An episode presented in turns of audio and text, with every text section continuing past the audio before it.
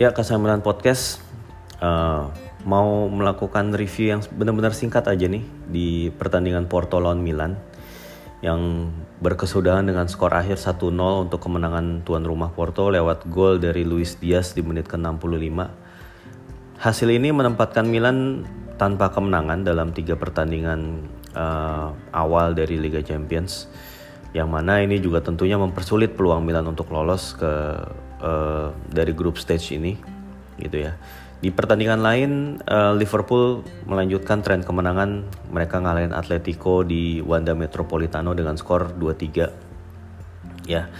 Sebenarnya secara matematis kekalahan ini belum menamatkan peluang Milan untuk lolos, tapi memang sangat memberatkan karena dengan ya kalau memang Milan mau lolos ya mereka harus menangin sisa tiga pertandingan berikut dan berharap di pertandingan lain itu uh, kondisinya ya in favor buat Milan gitu. Yang mana ini akan menjadi PR yang sangat berat ya sulit situasi yang sangat sulit. Apalagi di tengah badai cedera yang terjadi dan fokus Milan juga yang yang seharusnya sih lebih lebih ya maksudnya lebih diutamakan ke liga domestik gitu. Ya tapi seperti biasa ngomongin line up dulu Porto menurunkan Diego Costa sebagai kiper Joao Mario bek kanan nggak usah terlalu bingung ini emang banyak nama-nama pemain yang familiar yang sama namanya dengan pemain-pemain yang kita kenal tapi itu bukan orang yang sama. Karena nama seperti Diego Costa Joao Mario itu common buat orang Portugal atau orang Brasil ya gitu ya. terus kemudian um, dua center backnya Cancel Mbemba dan juga Pepe ya Pepe yang itu yang mantan uh, pemain Real Madrid. Cancel Mbemba itu pemain dari uh, Kongo terus back kirinya si Wendell ya. Terus uh, dengan formasi 4-4-2 ya dari Sergio Conceição ya sebagai pelatih. Dua gelandangnya itu si Otavio sama Mateus Uribe ya. Terus gelandang kanannya Sergio Oliveira pemain yang nyetak dua gol ke gawang Juventus musim lalu untuk uh, menyingkirkan Juve di babak 16 besar UCL. Terus kemudian Luis Diaz sebagai uh, gelandang kiri yang emang pemain yang di highlight oleh Stefano Pioli sebagai pemain paling berbahaya di kubu FC Porto dan emang kejadian Luis Diaz yang nyetak gol. Dua strikernya Evan Nilsson dan juga si Meditaremi penyerang asal Iran. Ya. ya sementara Milan ya Stefano Pioli itu kehilangan 5 5 sampai 6 mungkin pemain intinya dari Mike Mignon, Theo Hernandez, uh, Frank Kessie, Brahim Diaz, Ante Rebic, ya Zlatan Ibrahimovic itu kan 6 starter material gitu ya, tapi uh, absen di pertandingan ini. Ya Ibra main di babak kedua. Gitu ya.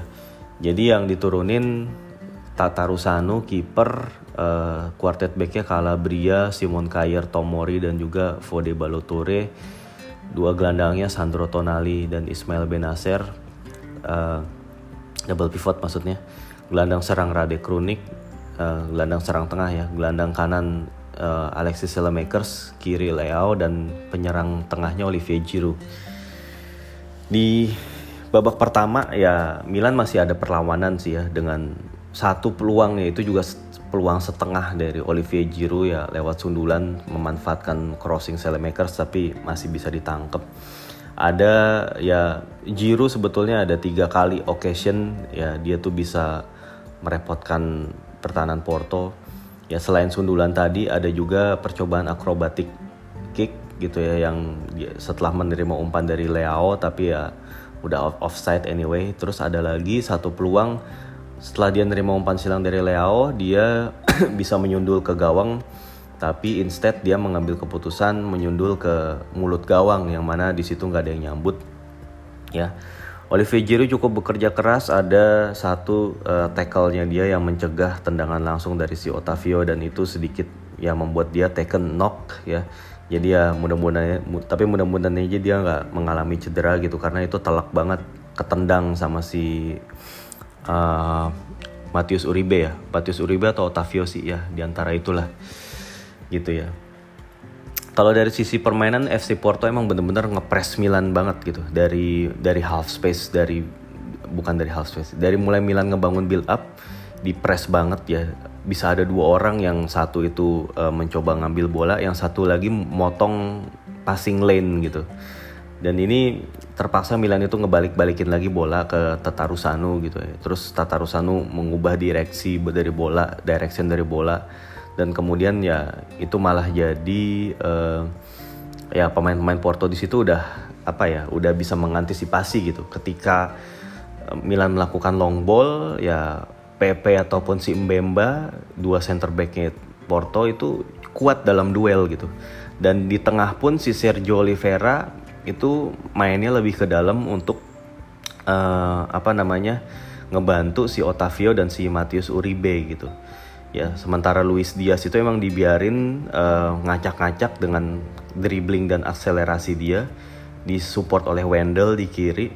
Sementara kalau di kanan cuman ada si Joao Mario doang yang sesekali melakukan akselerasi juga gitu. Ini gue nggak apa-apa ya ngebahas taktiknya Porto dikit nggak ngebahas taktiknya Milan karena emang uh, ya kan jarang-jarang kita ngebahas Porto dan taktiknya Milan kan udah sering dibahas dan lagian juga nggak ada salahnya ngebahas uh, taktik tim lain karena ya kita kan nonton bola bukan bukan cuma nonton klub doang gitu. Anyway, terus uh, ya yang dilakukan Milan ya emang melakukan set play set play gitu ya umpan-umpan pendek. Cuman di apa ya di babak pertama juga set play Milan itu nggak berjalan karena ya pressing pressing dari pemain-pemain Porto juga ya. Rade Kronik yang diharapin bisa make a difference gitu lewat role-nya di nomor 10 ya dia gagal di situ. Maksudnya bukannya gagal yang gimana banget maksudnya um, ya levelnya dia gitu ya emang belum nyampe di pemain-pemain Porto gitu. Dan FC Porto itu bukan Hellas Verona juga gitu ya. FC Porto ini jauh lebih berpengalaman lebih licin lebih liat gitu ya lebih apa ya lebih cepat gitu. Cuman emang FC Porto ya kurang tajam aja gitu. Seandainya mereka punya pemain-pemain yang bisa tajam jago ngegolin ya to be fair ya to be fair ya uh, whether you agree or not gitu ya. Milan itu harusnya bisa kalah dari lebih dari satu gol bisa kalah dua atau tiga gol. Meditaremi itu banyak banget dapat peluang di babak pertama aja ada tiga setidaknya peluang. Satu pas dia uh, dia itu berhasil uh, motong clearance si Makers, dia melakukan one two dengan si Evan Nielsen atau Otavio gue lupa. Dia dapat ruang tembak, tendangannya melebar. Terus ada juga peluang dia sundulan melebar. Ada peluang dia uh, melakukan tendangan yang harusnya dia bisa curling in, tapi ya dia nggak bolanya itu nggak nggak nggak belok gitu tapi anyway itu peluang-peluang yang bagus gitu. Di babak kedua juga satu satu ada dia peluang yang tipis banget. Tendangan kaki kiri dari sedikit dari luar kotak penalti. Seandainya si Meditaremi itu lagi nggak off day kayak tadi bukan off day bukan dalam arti off day permainan ya off day dalam nyetak gol gitu. Itu mungkin harusnya dia bisa nyetak satu dua gol minimal gitu si Taremi itu tadi gitu. Ya atau kalau kalau misalnya Porto punya striker yang lebih ganas gitu kayak zaman dulu Radamel Falcao atau atau si Hulk gitu udahlah Milan bisa kebobolan 1-2 gol lebih banyak gitu. Jadi ya menurut gue emang game plannya si Sergio Conceição emang berjalan lebih baik ya. Jadinya ya mereka uh, menitik beratkan serangan dari kiri. Taremi di situ uh, disupport sama si apa sorry maksudnya si Luis Diaz di support sama Taremi dan juga si Wendell atau si siapa pemainnya yang, yang masuk di babak kedua. Gue lupa lah pemain yang back kiri dari Aljazair ya. Ya yang juga cepet. Pokoknya serangan-serangan Porto itu di situ dan ketika Porto itu uh, pemain Porto megang bola di kiri itu pemain seperti gelandangnya si si Otavio atau si Uribe itu juga memberikan support sehingga teman-temannya ya bisa dapetin bola lebih gampang gitu. Ya dan intensitas pressingnya Porto ini luar biasa menurut gue dan ini membuat Milan juga nggak berkutik. Ya Milan nggak berkutik juga gitu. Nah di babak kedua uh, sebagaimana waktu lawan Hellas Verona itu Milan itu bener-bener berubah gitu cara mainnya. Nah cuman sayangnya untuk pertandingan ini ya Milan bener-bener kekurangan pemain sih ya kalau kemarin kan uh, Selemakers masih bisa diganti Samu. Terus Rebic cedera di babak pertama diganti sama Leao gitu yang makin menggila di babak kedua.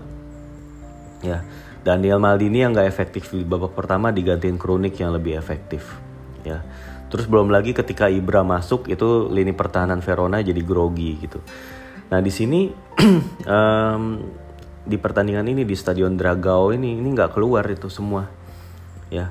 Bayangin pemain outfield yang dibawa Milan itu cuma 6 gitu ya. Dua dua lagi itu kiper si Desplances sama kiper Primavera sama si Andres Jungdal yang juga kiper yang dimasukin ke tim senior karena Plizzari cedera. Sisanya pemain outfieldnya cuman kal uh, si Gabia Romagnoli center back Kalulu full back. Terus um, Bakayoko gelandang sama si Daniel Maldini gelandang serang dan Ibra nggak Castillejo nggak didaftarin Rebic cedera Ibrahim dia sama Theo covid.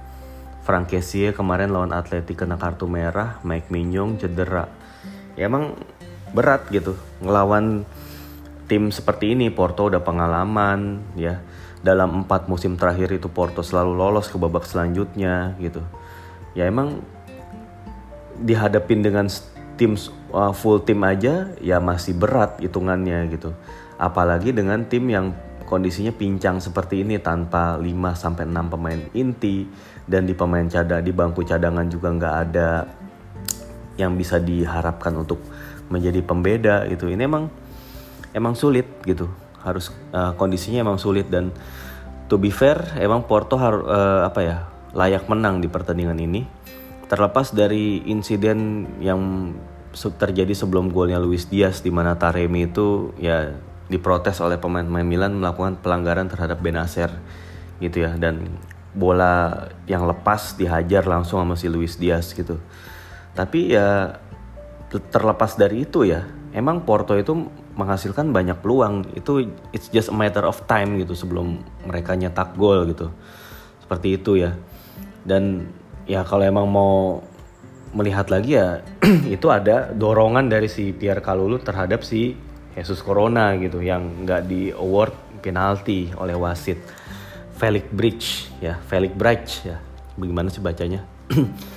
Wasit Jerman yang juga mimpin pertandingan Italia lawan Swedia di Euro 2024 eh 2004 waktu itu yang gua Zlatan ngegolin flick ya ke gawangnya Buffon. Um, terus apalagi yang mau gue bahas ya?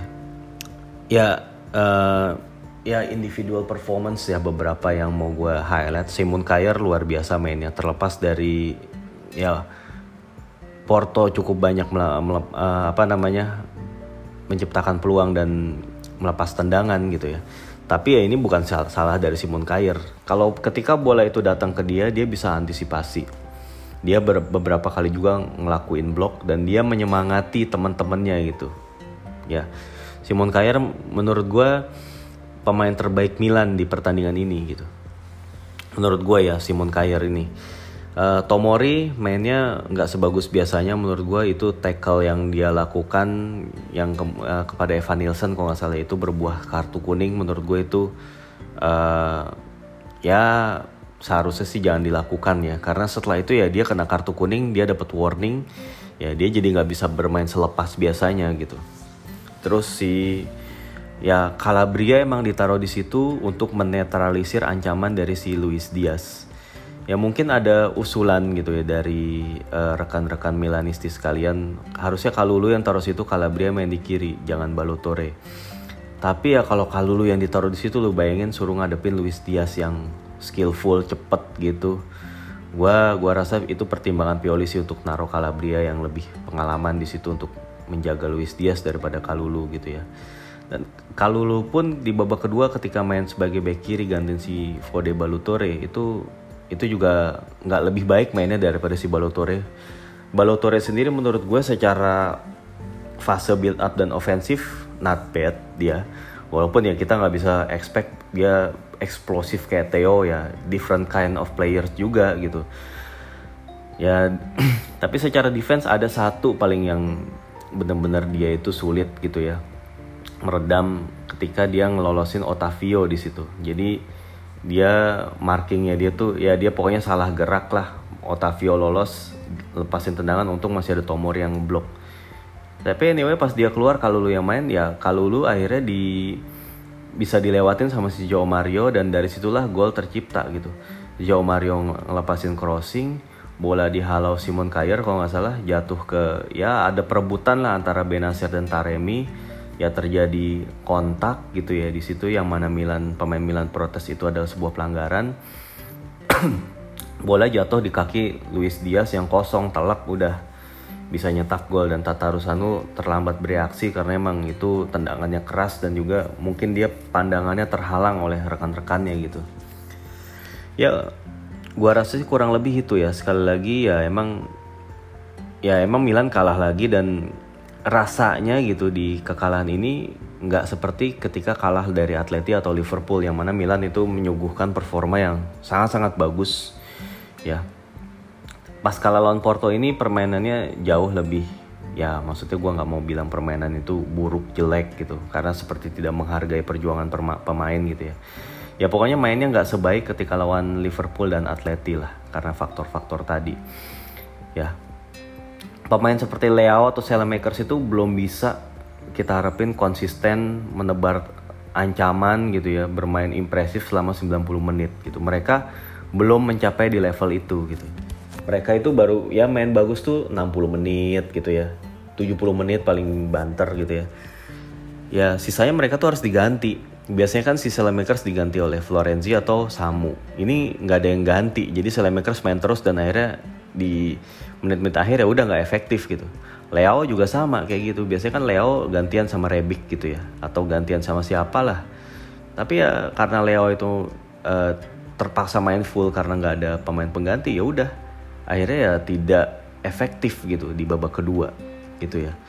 Begitu juga ya kronik sekalinya dia dapat space ya dia terlalu lama dia akhirnya dihentikan oleh gelandang-gelandang Porto tapi emang itu ya nunjukin sedikit banyak kualitas ya emang ya levelnya Rade seorang Rade Kronik juga lo nggak bisa berharap dia bisa stand out di UCL gitu gitu lah jadi emang kesimpulannya ya emang Milan secara kualitas teknis, mental, ya pengalaman itu memang kalah lah di game ini.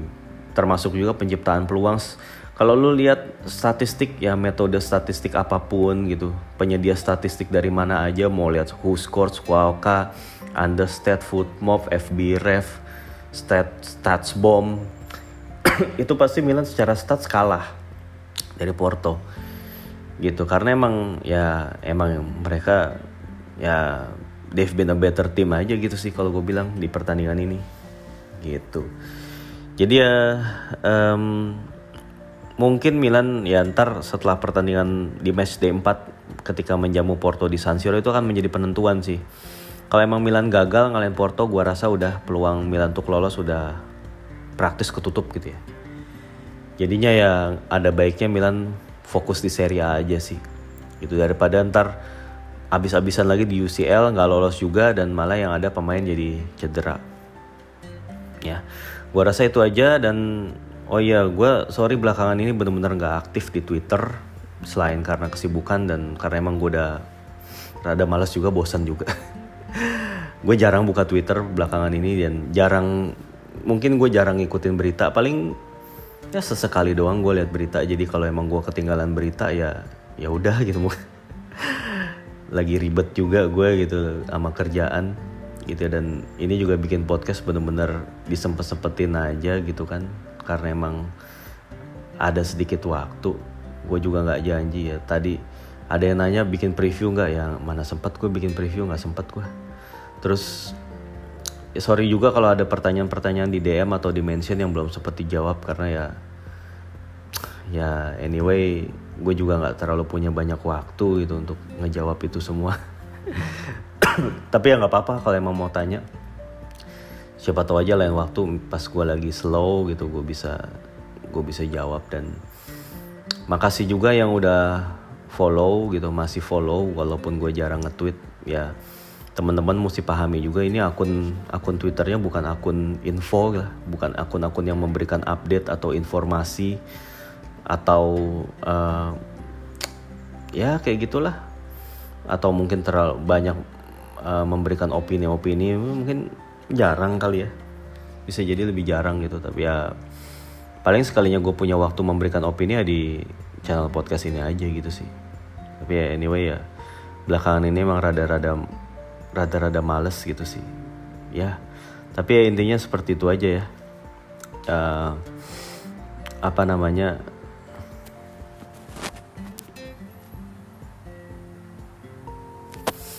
Uh, sorry gue ada ada post dikit karena gue tadi ada sesuatu yang gue cek. Ya udah pokoknya um, sekali lagi mungkin gue nggak bisa janjiin untuk terus aktif gitu ya. Gue malah consider untuk uh, eh, gue vakum dulu atau malah stop gitu sekalian. Karena ya lama kelamaan ini sih ini ini ini yang gue rasain sih ya. Gue jadi kayak nggak ngerasain kenikmatan menonton sepak bola lagi gitu ketika gue harus bikin podcast ini terus gitu. Dan ketika gue terlalu eksesif misalnya mau nonton Milan yang which is sebenarnya nggak salah gitu ya. Kalaupun lu nonton bola cuma nonton Milan doang itu pun juga nggak ada yang salah gitu. Terserah. Tapi kalau buat buat gue ya gue akan lebih prefer untuk lebih banyak nonton bola dari di apa ya liga-liga lain pertandingan-pertandingan lain sih daripada gue cuma nonton Milan doang gitu. Itu kalau gue sih ya gitu ya. Dan ini ya at some point ya dengan gue rutin ngomentarin pertandingan Milan ini jadi kayak gue ngerasa um, apa ya kayak gue jadi kayak kurang pengetahuan aja dari sisi aspek-aspek lainnya gitu. Dan itu itu gue nggak mau seperti itu sebetulnya gitu. Gue nggak mau. Itu bukan yang gue inginkan sebagai penggemar sepak bola gitu. Ya kan gue juga bilang gue penggemar sepak bola yang menyukai Milan gitu. Gitu. Ya jadinya ya tetap gue ngerasa gue ingin ngikutin sepak bola gitu. Jadi kalau ketika gue ngebahas taktik tim lain misalnya gitu dan misalnya lo komplain bahas tim bahas taktik Milan aja apa? Ini kan lagi pertandingan Milan itulah ya karena gue I'm a football fan gitu ya. Gitu. Jadi maksudnya ya lu nggak bisa expect gue bahas Milan terus gitu. Ya kalau emang pengen yang gue bahas apa pengen ngikutin yang bahas Milan terus ya lu kan bisa lu kan juga banyak follow akun-akun Milan yang lain ya ya silakan aja kan. Mungkin mereka lebih deep ngebahasnya daripada gue ya. Ya mungkin gue setengah-setengah bahas Milannya ya ya itu ya terserah bagaimana penilaian lu juga sih dan bagaimana ekspektasi lu juga dan gue gua nggak mau terbebani oleh ekspektasi ekspektasi itu. Ya itu sih. Anyway yang emang ya kadang-kadang melelahkan seperti ini. Gue juga hmm, ini juga bukan prioritas dan ya udahlah. Emang awalnya mengisi waktu gitu. Gue bener tadinya consider buat quit consider buat kelar gitu gue pengen fokus yang lain lah. Ya cuman uh, ya kadang-kadang emang apa ya karena mungkin masih kebiasaan gitu. Gue kan udah ada dua tahunan ini ngomentarin terus gitu. Jadi mungkin kalau misalnya gue nggak komen kayak ada yang kurang gitu. Tapi anyway ya ketika kebiasaan itu harus diubah karena sesuatu dan lain hal ya itu ya cepat akan lambat akan terjadi gitu ya. Gue akan kembali fokus ke football finanza yang lebih bahas sisi finansial gitu yang mana dengan gue bahas sisi finansial tentunya gue bisa banyak belajar. Gue banyak gue mungkin lebih jadi lebih banyak tahu gitu. Ketimbang kalau cuman bahas match doang kalau menurut gue. Itu yang mana kalau yang bahas match itu sebenarnya udah lebih banyak. Banyak yang bahas match banyak yang bahas taktik. Lu bisa lihat analisis dari siapa pun lah banyak gitu. Baik dari akun Milan ataupun akun lainnya yang nggak ngebahas Milan. Malah gini gue juga menyarankan kalau misalnya lu pengen lihat ah, pengen tahu analisis pertandingan Milan gitu coba cari dari yang perspektif uh, orang yang bukan fans Milan gitu. Coba deh gitu ya. Mau siapa pun itu pandit favorit lu lah. Misalnya ketika itu lu tahu dia bukan fans Milan nih tapi terus dia ngebahas Milan.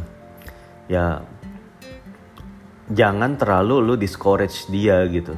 Maksudnya jangan kayak ngerasa ah lu bukan fans Milan lu nggak berhak ngebahas Milan. Ya maksudnya nggak begitu juga sih gitu ya. Ini dari sudut pandang gue gue menurut gue ya ketika kita mendengarkan orang lain yang bukan fans Milan ngebahas pertandingan Milan siapa tahu kita bisa ngedapetin insight-insight lain yang lebih objektif gitu loh karena kan gue sendiri ini kalau ini kalau gue ya gue sebagai fans Milan juga ketika ngebahas pertandingan Milan bukan tidak mungkin gue menyelipkan agenda-agenda atau subjektivitas dalam pembahasan gue gitu. Yang mana bisa jadi itu bisa membuat uh, analisis pertandingan itu jadi tidak lagi objektif dan tidak lagi menggambarkan kondisi sebenarnya.